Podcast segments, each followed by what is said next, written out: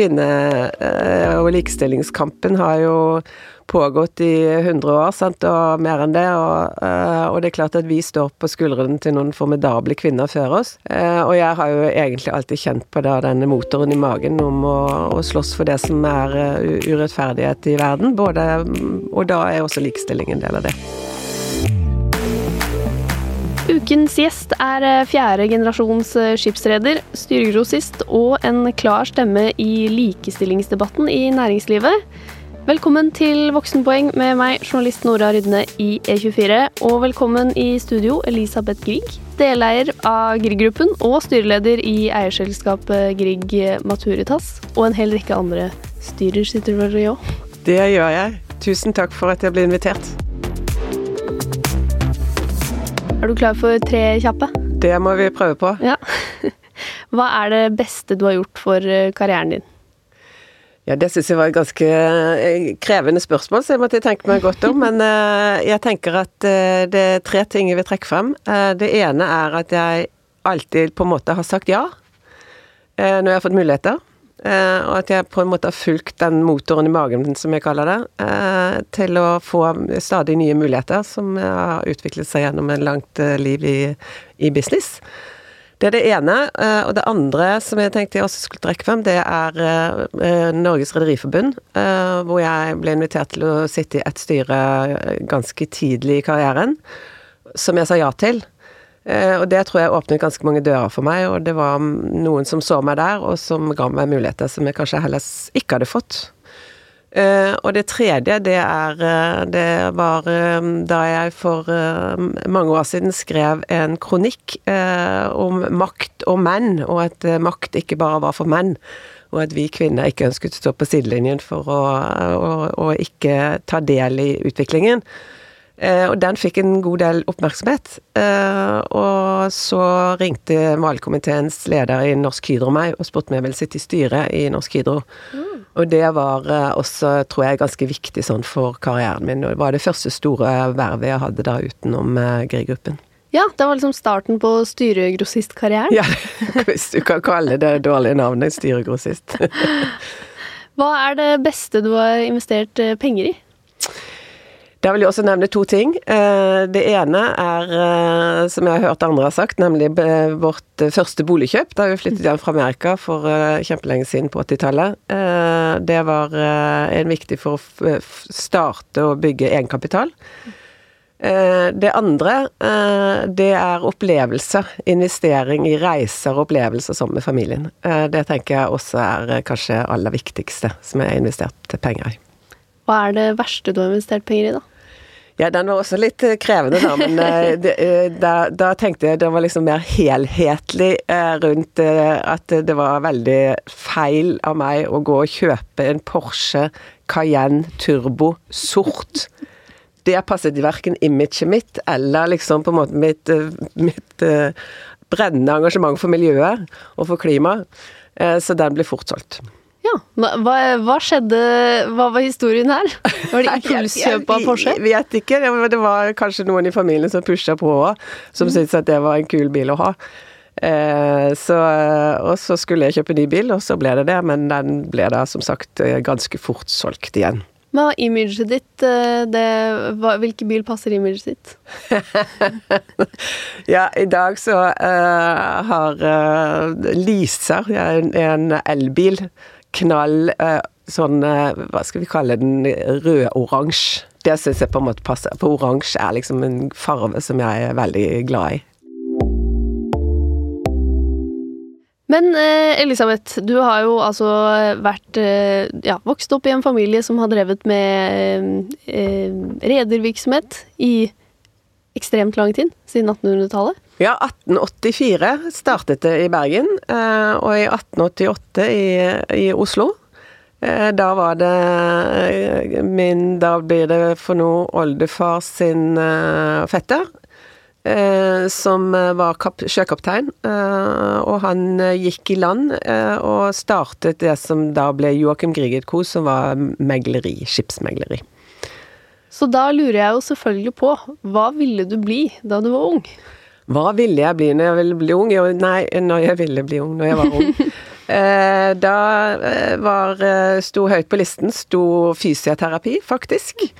Eh, jeg var også innom eh, og skulle bli eh, idrettslærer. Eh, og business og shipping sto ikke på den listen da når jeg var ung. Ok. Når begynte, når begynte du å skjønne at det måtte bli business likevel, da? Nei. Eh, Det vokste seg vel frem gjennom eh, når jeg var, gikk på videregående, og så uh, begynte å skulle se hva jeg skulle studere. Uh, og så ble det jo business, da. Uh, og da var jo ikke veien så veldig lang, selv om jeg har jobbet noen år utenfor Grieg-gruppen, så, så endte jeg opp der, gitt. Hvordan var det, altså hvordan ble det formet? Kom det noe påpakning fra familien der? Om at Hjemmelig. Skal ikke ha noe fysioterapi i, i, i Grieg-gruppen? Nei, det var ingen som la noen føringer på noen som helst slags måte. Og eh, det var vel heller ikke gitt at, eh, at det var det jeg skulle drive med. Eh, jeg hadde jo allerede den gangen et brennende engasjement for ulikheter og for likestilling. Eh, Så jeg oppdaget jo da i, eh, på et tidspunkt at, eh, at min bror, vi er tre søstre og én bror, han hadde litt flere aksjer enn hos andre i Grieg-gruppen. Det måtte vi jo gjøre noe med, så det ble jo fort rettet på. Og så oppdaget jeg også at i, for å gjøre karriere innenfor skipsmegling, da, så måtte du innom det som den gangen het Telex-avdelingen. Det var lenge før eh, jeg digitaliseringen i verden. Eh, og der var det ikke kvinner. De fikk ikke lov å jobbe der. Så dermed så var det jo rett og slett da ikke mulig å gjøre karriere for kvinner i GI-gruppen. Så det måtte vi jo gjøre noe med. Du, eh, hvor gammel var du da? Ja, jeg kan tenke meg at jeg gikk på videregående. Ja. Det var jo den gangen jeg også oppdaget at uh, det, hang en, uh, det hang en sånn vegginvitasjon eh, vegg eh, invitasjon på, på veggen på skolen. Hvor det fra Ungdommens Heimeverne, eh, som da ønsket gutta mellom da 16 og 20 år velkommen til Ungdommens Heimeverne. Det syns jo en venninne av meg og jeg var ganske spesielt, så vi skrev jo da, den gangen skrev man jo brev, langt brev til Ungdommens Heimevern i Bergen, og sa at dette er jo helt hårreisende, at dere ikke lar oss kvinner slippe til. Eh, og så gikk det en stund, og så fikk vi brev tilbake igjen, og så jo, men selvfølgelig så bra at vi påpekte dette, vi var hjertelig velkommen til å begynne i Ungdommens Heimeverne. Problemet var jo det at um, vi var jo overhodet ikke interessert i å være med i Ungdommens Heimevern. Men vi ville ha muligheten. Ja, det er viktig. Ja, det er viktig Kanskje noen andre hadde lyst? Mm. Ja, Så dere ble ikke med? Nei, vi gjorde ikke det. Så jeg har litt dårlig samvittighet for det, da, men eh, sånn ble det. Men nå er det sikkert mange kvinner som kan takke deg for det.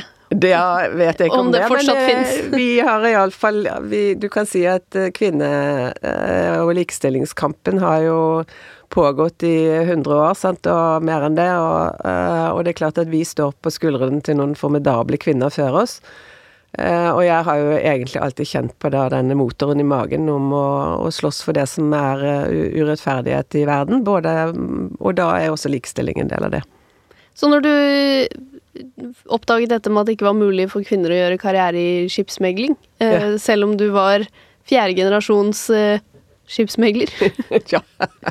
hva, hvordan eh, fikk du gjennom det? Gikk du bare Nei, til faren faren din ikke, og sa det var ikke vanskelig, for det, jeg tror det bare, var, det bare hang igjen fra ja. gamle dager, og det, tiden var moden. Så, så det ble ikke noe problem. Men det er klart at vi har jo måttet slåss, for det er et mannsdominert eh, industri, hele den maritime industrien, så eh, Men nå er det jo helt annerledes, så det er jo veldig gøy å se. At det er så stort engasjement også blant kvinner. Så du gikk bare og sa 'hei, pappa'? Hva faen? Jeg vet ikke om jeg sa Eller på den måten, men uh, vi påpekte iallfall det. Det var ganske høyt under taket i diskusjonene hjemme rundt spisebordet, for å si det mildt. Ok, så du begynte jo da å blande deg i familiebedriften tidlig, selv om Det- du skulle bli fysioterapeut. Ja, det kan du si. Jeg vet, jeg vet ikke om det med fysioterapi ble veldig sånn realitetsbehandlet, egentlig. Men, eh, men absolutt. Engasjementet var der hele tiden. Tenk at det kunne blitt Grieg Fysio. Ja. ja. Kanskje bedre navn enn Grieg Maturitas, jeg vet ikke. Kanskje, kanskje. Ja. Det er en kandidat. Er vi- Litt forvirrende, Men Litt forvirrende vil jeg sagt kanskje at det er. Men vi er jo veldig opptatt av fysisk fostring da i Grieg-gruppen. Okay. Å holde oss i form og finne på gøye ting sammen som, eh, som er, handler om å være ute eller gå på fjellet eller eh, Er det sykle eller? Holmenkoll eh, Denne Holmenkoll-stafetten var vi med i mange år. Mm. Og Birken? Holder du på med det? Birken har vi Ja, jeg har syklet Birken noen ganger. Du er eh, rett og slett eh, den klassiske næringslivslederen. Uff da. Beklager å måtte si det. Men eh, sånn sett så hadde du kledd en eh, Porsche Cayenne. Du mener det? Nei, nei, nei. nei. Da, da kjenner du meg nok ikke riktig godt nok. Enda. Jeg, dømmer alle som sykler Birken. Ja, du gjør det, ja? Å, uff da. Ja, ja. Det er en stund siden. Eh, eller jeg setter dem i næringslivslederbåsen. Du gjør det, ja? Okay. Eh, men du bor jo i Oslo, så du er jo ikke med på Tour de Finance til eh, Nei. Nei, Nei. på sykkel. Nei, overhodet ikke. Men eh, jeg, av og til når jeg går langs eh, Frognerkilen, så kommer jo gjengen, og det er jo med livet som innsats da. Men da ble det altså eh, business, Ja. og hvilke studie? Da gikk jeg på det som den gangen het Handelsakademiet her i Oslo, så jeg flyttet fra Bergen til Oslo. Eh, og så Og den gangen var det tre år. Eh, og så traff jeg det som da ble den eh, første og eneste mannen i mitt liv. Eller ikke eneste mannen i mitt liv, men eneste eneste ekte mann? Som ekte mann er ordet. eh, og så giftet vi oss, og så dro vi til Amerika og, og jobbet der i noen år før vi på en måte kom tilbake til, eh, til Oslo. Og da mm, begynte jeg å jobbe i det som den gangen var eh, Bergen Bank, som da er DNB i dag, i shippingavdelingen der. Nettopp. Så det var uh, eh, BI, eller? Ja, det er BI i dag. ja. Mm. Og så tok du noe ledelse oppå det òg? Ja, eh, i Amerika så tok jeg noe ledelsesfag på masterstudiet. Mm. Så det var altså ikke rett inn i Grieg. Nei. Og det er vi veldig opptatt av i, i dag også, når, når femte generasjon eh, begynner å vokse til, eller er absolutt på veien i, som aksjonærer, og noen av de jobber også i Griegruppen. At uh, skaff deg et ståsted utenfor før du eventuelt uh, melder deg på inn i, i Griegruppen. Det tror jeg skaper både god selvtillit, og man kommer med en større ballast også. Så det er viktig. Men du fant deg sjæl i businessstudiene? Du likte det? akkurat studietiden Altså studiene det, det, var, det var vel studietiden som var det viktigste. Ja. Det var iallfall en veldig fin tid. Mm. Men du trivdes med, med faget? Du tenkte ikke at å, dette ble feil? Eh, Nei, jeg tror ikke jeg tenkte så mye på det. Jeg bare gjennomførte det, og så begynte jeg min første jobb, og så gikk det egentlig litt sånn uh, sin gang. Men jeg hadde veldig fine år i, i banken, da. Det var veldig ungt og godt, eh, fint miljø, og så der, eh, der eh, lærte jeg veldig mye. Men hva med USA? Hva drev du med der? Der jobbet jeg for det som da het Star Shipping, eh, som, jeg, som da er senere blitt Grieg Maritime Group. Ja. Eh, I San Francisco og senere i, i New York. Ok, så du var litt inne først, og Mm. Ja. så en Ja. tur på lufting? Og så en tur på lufting, det kan du si. Ja. Hva var, hvordan var første møte med, med Grieg, eh, ja, familiebedriften, rett og slett? Det er jo et eh, Hvor skal jeg angripe det spørsmålet der? Hvordan var første møte? Det var eh, Det som skjedde, var at eh, når jeg jobbet i banken, så begynte jeg å, å reise en del sammen med min far til våre virksomheter rundt omkring. Eh, og begynte etter hvert å bli ganske interessert i det vi holdt på med, og det var jo ganske omfattende, så, så det var også en veldig sånn fin tid og fin overgang til jeg da begynte å jobbe i, eh, i eh, for fullt da, i midt på 80-tallet var det vel. Så, og det var da i USA? Nei, Nei. da var vi kommet hjem til Oslo. Ja, ikke sant. Så, så den jobben i USA, det var første møte med Ja, det var det kanskje. Da var vi, vi Det var øh, øh, Den gangen så eide vi en tredjedel av det selskapet. Så da, var jeg, da kom jeg øh, til San Francisco og jobbet for det som var konteineravdelingen den gangen, og var jo veldig ung og usikker, egentlig. Men hadde en veldig fin tid og fikk masse gode kollegaer, og, så det var, det var kjempefint. Men hva, du reiste jo da mye med din far, og da vil jeg anta at dere har et godt forhold? Vi har et kjempegodt forhold. Ja. Og hva med mor, da? Om, eh, min mor og min far, de, eh, Min mor døde i fjor. Eh, de var gift i over 60 år, eh, og vi var jo fire barn som vokste opp i, i, Bergen. Med foreldre som var trygge og gode og ga oss frihet og fantastisk forhold. Og min mor, hun hun var en formidabel dame som holdt oss i ørene og lærte oss egentlig spesielt dette med at du Hvis noen kommer i din vei som trenger deg, så skal du ikke gå forbi. og det var det ene, og det andre var dette hvor viktig det var at vi var venner. At vi i en familiebedrift så er det jo mange historier om, om familier som har gått i oppløsning. Mm. Eh, men da bare sa hun at dere kan jo bare våge dere å bli uvenner. For dere har både et stort ansvar, men også fordi at familien er viktig. Ja. Så, så, hun har vært en veldig, veldig viktig person også i, i, i mitt liv og vårt liv.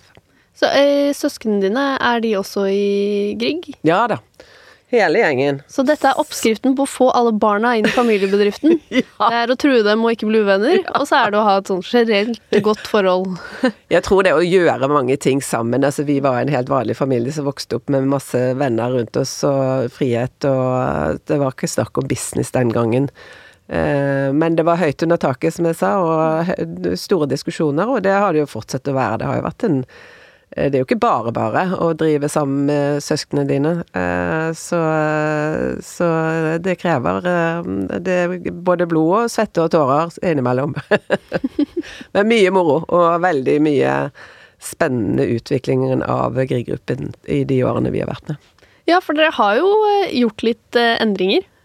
Vi har gjort ganske store endringer, og utviklet oss videre, selvfølgelig. Og du kan si at med Eh, en eh, bedrift eller en virksomhet som er eh, så gammel som, som 100 og snart 40 år, så tror jo vi at for at vi skal kunne overleve og vokse videre, så må vi endre oss hele tiden. Mm. Så, så det for eksempel akkurat nå så står vi jo i en utrolig spennende tid med hele klimautviklingen og det grønne skiftet og, og bærekraft og, og og på en måte skape verdier som er, som er bærekraftige også for fremtidens generasjoner og for uh, kloden vår.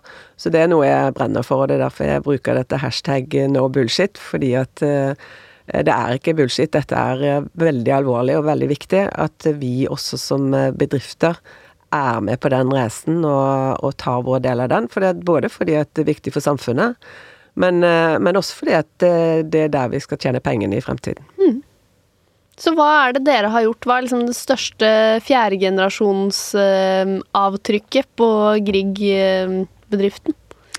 Jeg tror at både det at vi har eh, bygget en enda sterkere merkevare. Altså at uh, Grieg-gruppen er blitt på en måte en, en, en samlet gruppe som, som tydelig setter sine fotavtrykk.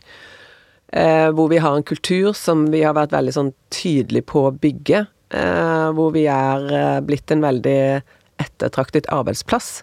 Folk ønsker å jobbe hos oss. og det, eh, det betyr at vi tiltrekker oss gode folk som er med oss på den reisen. Det tror jeg er det ene. Og så tror jeg det arbeidet rundt bærekraftsarbeidet vårt de siste årene har også vært veldig viktig for de vi er blitt og den endringen som vi nå også gjør i forhold til eh, å skape nye verdier da, for, eh, for Grieg-gruppen. Så det, det, tenker jeg at er eh, viktig. Og så det neste Det mm, andre, eller som jeg også vil trekke frem, er jo det at vi er jo nå i en situasjon hvor vi har egentlig tre generasjoner. Min far, oss fire og 13 andre. Nei, 13 barn som nå begynner å bli voksne. Mm. Eh, så vi er 18 aksjonærer eh, i GRI-gruppen, og vi, vi, jobber mye med dette med aksjonærfellesskapet. Det å være gode eiere, ha lyst til å på en måte være med og bidra. Eh, det å synes at det er faktisk kjekt å være eier i GRI-gruppen. Og at, at femtegenerasjon også på en måte At vi viderefører det at vi skal At vi skal holde sammen. Ikke for enhver pris. Eh, men, eh, men, at vi skal prøve å gjøre dette på en god måte, som er verdiskapende også for eh, samfunnet rundt oss. Så da har det altså, i femte generasjon så var det 15 stykker? 13. 13. Ja. ja. Og det er da dine og dine søskens barn, ja, ja. og så er det noen kusiner og fettere? Nei, nei. nei. Vi fire som da er fjerde generasjon, vi tok over etter min far som var um, som, som eide det selv. Ja. Eh, og så nå blir det da kusiner og fettere, som er femte generasjon. Kommer de til å fortsette? Har dere begynt å groome dem? altså, de er jo mellom 18 og, er 18 og 35, vel. Ja. Eh, og, og, kjempeflinke alle sammen, og super eh, Super uh, gode venner, og vi gjør kjekke ting sammen også.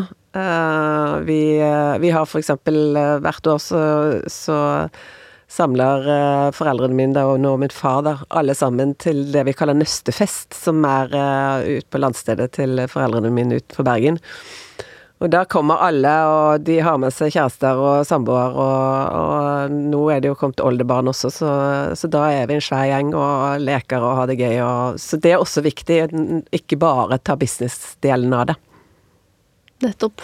Var, eh, dette spør jeg alle eh, arvinger om. Ja. Har du sett Succession? Okay. Arvinger, det er fint. jo, eller eh, Ja, altså si Ja, jeg har sett Succession. jeg ga den opp etter en stund. Jeg syns det ble voldsomt. ble, det, ble du liksom sånn dystopisk? Ble du redd for at sånn Hva hvis det skjer med oss? Nei, ikke egentlig. Jeg bare tenker på den nøstefesten. Jeg vet ikke om du har kommet så langt at du har vært på Landstedepisoden der det er helt krise. Oh, ja, så, ja, nei, vi har unngått de store krisene foreløpig, så det satser vi på at vi skal fortsette med. At vi skal være flinke til å og igjen da, så litt legacyen etter min mor òg. Sånn at mm. uh, vi, har, uh, vi har uh, så mye å være takknemlige for, og vi har så mye å være glade for. Og vi har fått utdelt så mange positive deler altså i, i våre liv at uh, dette må vi klare. Det er, eh, det er, jo ja, imponerende. Du sier jo selv eh, det er jo mange som går til grunne. Men har det ikke vært noe krangling? Jo, jo, jo, jo er du gal. Det er ja. masse krangling. Ja, okay. ja, for kranglingen handler om liksom hvor skal vi nå, ja, hvem skal ja. Litt sånn, uh, litt sånn forskjell på f.eks. risikoprofil, hvor mye risiko man vil ta, og hvor man vil vokse. Uh, og, og, den type strategiske spørsmål som egentlig får store konsekvenser da, for, uh, for Grieg-gruppen. Og så tror jeg at én ting som, uh, som vi er veldig tydelige på, det er det at ingenting er sånn hugget i stein. Det er ikke sånn at fordi at sånn gjorde de de forrige generasjonene eller generasjonen før der, så, skal, så må vi gjøre det sånn vi gjør. Eh, sånn er det ikke, fordi verden utvikler seg så fort at som igjen tilbake til at skal vi henge med, så, så må vi se de endringene som kommer, og, og, justere oss etter det. Men eh, når det blir krangling, hvordan løser dere det? Har dere, har dere, en modell, på en måte, for hvordan dere kommer dere ut av vi er, veld, vi er veldig Det går vi ut og spiser og drikker vin og preiker og, og legger det bak oss, på en måte. Eh, og, men det er klart at det, det, det, er bare Det er jo ikke bare bare. Så det, er en, det er en krevende øvelse å finne den balansen mellom å både være søsken og være familie, og det å være i business. det er, det er På den ene siden så er, er, du næringslivsleder, og så er du da eier, og så er du familie. Og de tre tingene ikke alltid er de henger like godt sammen, da. Hva sier du til eh, femte generasjon, da? Eh, som For å videreføre det du lærte av din mor? Ja. Nei, det tror jeg Det, det igjen, derfor det er liksom litt den der uh, arven etter, uh, etter hvordan vi skal på en måte være samfunnsborgere, da. Uh, og det ansvaret som vi har, for, både for arbeidsplasser, men også for hverandre. Ansvar for hverandre og, og kjærlighet for hverandre. Uh, og, og, gleden over hverandre. at det, det skal overs... Det må for all del overskygge at den, den jobben som skal egentlig gjøres, på en måte. Vi har jo en eh, spalte her i Voksenpoeng eh, som heter Tabbespalta.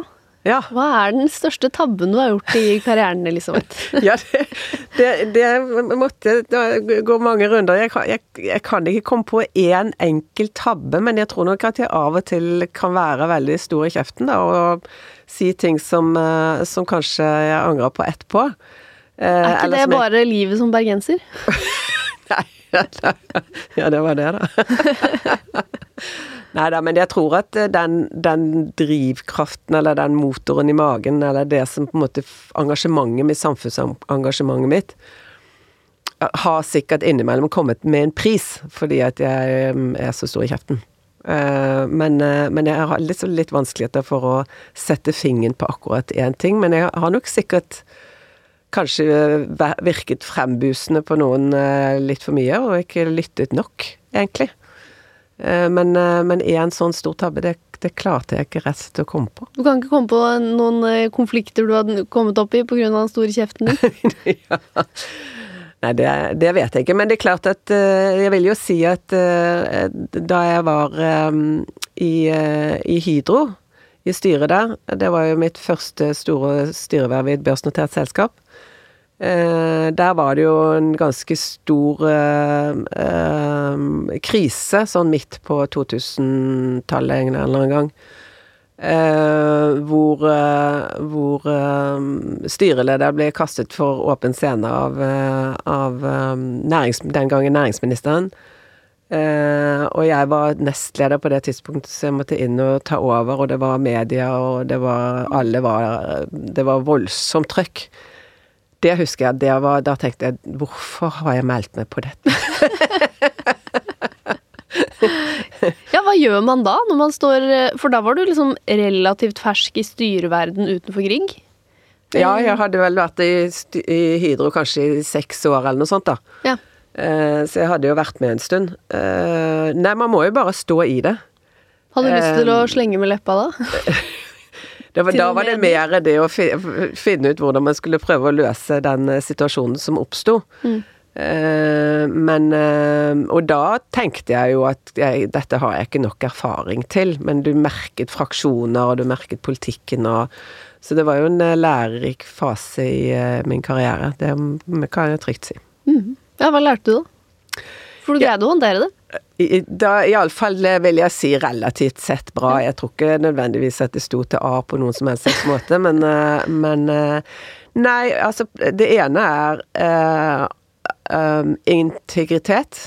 Altså det at du må stå for det du står for. At du ikke må på en måte bøye av, eller på en måte ikke gjøre noe annet enn det som du kjenner på at er riktig for deg å gjøre. Eh, det er det ene, og så er det klart at du lærer jo mye om politikk, da. Eh, om gjentagelsens kraft. Dette med at du skal få endre et standpunkt, så må man gjenta seg selv eh, til det kjedsommelige. Og så litt om hvordan man Litt om meg selv, da, på den måten at jeg kjente på at hvis jeg klarer å stå støtt hvis jeg klarer å stå for det som jeg mener er riktig, eh, så kan jeg se meg selv i speilet etterpå. Da eh, kan jeg gå videre. Eh, og det, det tror jeg at jeg lærte mye av i den fasen der. Men Måtte du trå feil for å lære det, eller var det sånn at du Jeg tror jeg trådde mye feil den tiden der. for du må jo prøve deg frem, på en måte, eller du må liksom på en måte Uh, eller det, men det som jeg tror var en stor lærdom, det var å uh, bestemme deg for hvem du stoler på. Ja. Uh, hvem du på en måte Og noen av de som på en måte mine nærmeste, vil jeg si, både kolleger og venner i dag, de har jeg vært i stormen med, eller i orkan med. og du kjenner på tryggheten i å ha med på laget noen som vil deg vel. Mm. Eh, og det tenker jeg at er, eh, er, et viktig råd, at man må finne hvem som man kan stole på. Ja. Eh, det, det, er viktig, og det, det lærte jeg også den gangen. Men hvordan finner du de du ikke stoler på, da? Ja, det lærer du jo litt etter hvert, da. det, det, kan, det, kan, godt være det at det bare handler om at man er veldig forskjellig i holdninger eller meninger, eller, eller hvilken Eller veivalg. Uh, som gjør at du da tenker at dette ikke folk jeg vil bruke tid med. Så du tester dem ikke? Det er ikke sånn at du sender dem e-poster med noe info og ser om det lekker? ja, det var jo en eh, tid jeg var i valgkomiteen i Orkla, og det var eh, Det stormet rundt eh, eierskapet der. Mm. Da, da var, sto jo alt på førstesiden dagen etter at vi hadde hatt møter, og hvem som lakk, det vet vi jo ikke da, men det ble det. Så det var ikke deg? Nei, det var ikke meg. Nei, det er eh, Det får ikke en eh, til å, å, Hvis folk ringer, eller journalister ringer og lurer på om jeg ikke kan uttale meg anonymt, det gjør jeg ikke. Du har fått stått i noen eh, stormer opp igjennom? Ja, jeg har det. Det er på det rene. Og det gjør deg jo til den du er, da. På mange måter. Sånn at man det som ikke tar livet av deg, det gjør deg sterkere, det er ikke det de sier. Men syns du det er gøy når det stormer, eller er det litt sånn den kjipe delen av å være leder og være med i styrer og Det kommer litt an på eh, om, eh, om, hva krisen eventuelt består av. Eh, hvis det er noe som kan løses, om du kjenner på at du kan være med og bidra til å løse, så kjenner jeg at det er positivt. Mens noen ganger er det bare slitsomt, uh, fordi at uh, det drar kanskje ut. Det er en konflikt som lar seg vanskelig løse, og, og, uh, og det blir veldig, veldig slitsomt. I, i hverdagen går utover nattsøvnen og sånn, da begynner det å Ja. Så det er ikke din favorittgreie? det er ikke min favorittgreie med storm og, og storm. kaos? Nei, det er ikke, ikke kaos. Litt, kan godt blåse litt. Det, det går fint, men, eh, men, eh, ikke kaos. Ja, for jeg kan jo liksom ikke se for meg at du er tapt tilbake en vogn i en konflikt. Apropos uh, stor i kjeften og grenser og Nei, men mener. noen ganger så må man jo faktisk da bare si til seg selv dette er ikke, dette er ikke, min, dette er ikke min, storm. Uh, dette er en annens storm. Mm. Men jeg kan jo si at for eksempel uh, i, i, mars i fjor, når vi stengte ned, og vi satt beredskapsteam. Og du ante egentlig ikke hvordan ting kom til å gå. Du ante jo ikke om jeg, varer kom til å bli fraktet, om, om alle markedene bare stoppet opp. det var umulig å vite, og du skulle fra hjemmekontor da på en måte være med på å sørge for at hjulene fortsatte å gå rundt. Der var det noen uker hvor jeg hadde ganske vondt i magen, for å være helt ærlig. Det var veldig krevende. Og så har det vært helt fabelaktig å se på hvordan kollegaer bare bretter opp ermene og bare står i det, og hvordan vi fant nye løsninger, nye måter å gjøre tingene på. Utviklet ny teknologi, nye, uh, nye virksomheter. Det er helt fabelaktig å se, og veldig, uh, veldig gøy når vi nå er ett år og en måned etterpå. Men eh, eh, apropos tilbake til eh, slenge med leppa og litt sånt. Eh, likestilling ja. har jo vært en fanesak for deg, og det har vi jo vært litt inne på allerede. Ja. Men eh, du dukket opp på min radar litt sånn da jeg var ganske fersk i næringslivspressen. Eh, eller jeg var vel ikke det engang. I pressen generelt. Mm. Eh, og eh, det kom en ny konsernsjef i Telenor, ja. som var Sigve Brekke. Ja. Og da kom det en tweet fra deg ja. der det Jeg mener du husker det bare sto 'Makan'! Ja, så, der sto det 'Makan'. Og det, det, førte jo da til en likestillingspris. så det, det var ganske, ganske morsomt. Altså, det var en sånn storm med sånn positivt fortegn, vil jeg si. Mm. Eh, det var jo eh, Det var jo Det var jo en alvorlig på en måte at, eh, at det skjedde på den måten som det skjedde. Nå har det jo skjedd ekstremt mye siden det. Vi har jo fått mange kvinnelige konsernsjefer siden det, så det er jo kjempepositivt. Eh, men at de skulle få så mye oppmerksomhet for den ene tweeten som jeg da eh, Det er vel én av fire jeg i det hele tatt har eh, tvitret om, så, så, så, var jo det ganske interessant. Så da var jeg jo mye her, blant annet, og snakket om det, og det var jo mange som var interessert i å høre om, om hvorfor det. Og det viser jo bare hvordan utviklingen har vært rivende i de siste tiårene, da. For det begynte jo egentlig litt med for, for i næringslivet, sant, så var det jo når, når vi fikk eh, kvotering for kvinner i Eller balanse, kjønnsbalanse i styrene. Det var jo også en sånn storm som sto her tidlig på 2000-tallet, hvor jeg tidlig tok den, det standpunktet at her måtte det hardere lut til enn å bare spørre pent. Her måtte vi få et regelverk på plass. Så det, var, det tror jeg var kjempeviktig. Nå er det vel ingen som stiller seg spørsmålstegn engang. Selvfølgelig skal det være balanse i, i, oss i styrer. Ja, men han har vel fått bevist gjennom noe forskning etter hvert òg at det er lønnsomt. Ja. Og det har jo du vært eh, opptatt av, at ja. det er ikke bare idealisme i Nei. de tingene dere gjør. Nei. i Gig-gruppen blant annet, men også at det skal være lønnsomt. Ja, og så er det jo det at vi har jo, vi har jo Vi vil jo gjerne ha de beste folka, og da mm. må vi jo velge fra hele befolkningen. Og for meg er det jo helt uh, utrolig merkelig at vi i næringslivet er så mye dårligere enn alle andre uh, når det kommer til uh, kjønnsbalanse. Selv om det er blitt bedre, så er det fremdeles et faktum. Og spesielt innenfor noen næringer. Jeg leste et intervju med deg om den tweeten. Jeg husker ikke hvor jeg leste det, men da uh, kalte du Sigve Brekke for Arve Brekke. Ja. og så lurte jeg på, det, var det en hersketeknikk? Er det sånn at når du møter ham, så sier du 'hei, Arve'? Og så Stakkar stakkar Sigve Brekke, han har jeg truffet mange ganger etterpå. Det, det, var bare det at jeg var ikke så opptatt av mannen, jeg visste ikke egentlig helt hva han, hva han het. Så derfor kom den feil ut. Det var ikke hersketeknikk. Okay. Så det er sånn, det er god stemning når du møter uh, Sigve Brekke nå, ja. eller? Ja, ja, ja. ja. Det, vi, nå er det lenge siden, da, for ja. vi møtes jo ikke noe særlig. Men, uh, men uh, nei da, det var ikke han jeg var etter. Han ble jo valgt. Mm. Men, men, det var jo styret til, til Telenor mm. som egentlig jeg var etter. Det var vel han som var den gangen var styreleder, som fikk sitt pass på skrevet. Ja, ok, men det er jo hyggelig å høre at det er god stemning mellom deg og Arve. ja, Arve, men når begynte dette Altså, du var jo tidlig ute, eh, som du sa, med likestillingsengasjement, helt fra heimevernaktivisme eh, på videregående. Men når startet den oppmerksomheten rundt at det var et problem i næringslivet? Ja, det for det første så, så, tror jeg jo altså For det første har jeg jo vært feminist så lenge jeg har kunnet snakke. Eh, og har jo gått i mine demonstrasjonstog opp gjennom 8. mars-tog opp gjennom eh, årene.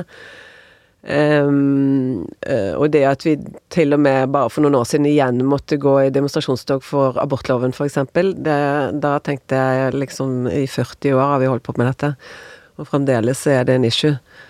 Um, men for næringslivets del så tror jeg det startet egentlig ganske tidlig når jeg begynte å jobbe i næringslivet. Og som jeg sa, eh, det var viktig for meg den gangen jeg sa ja til å bli med i Rederiforbundet. Mm. Uh, der var det jo basically ingen andre kvinner.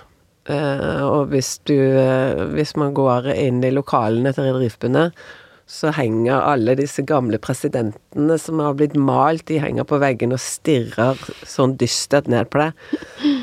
Eh, så jeg følte liksom at hva gjør jeg egentlig her? Eh, og så gikk det noen år, og så tenkte jeg ja, kanskje jeg skal se om ikke jeg kan eh, bli den første kvinnelige presidenten.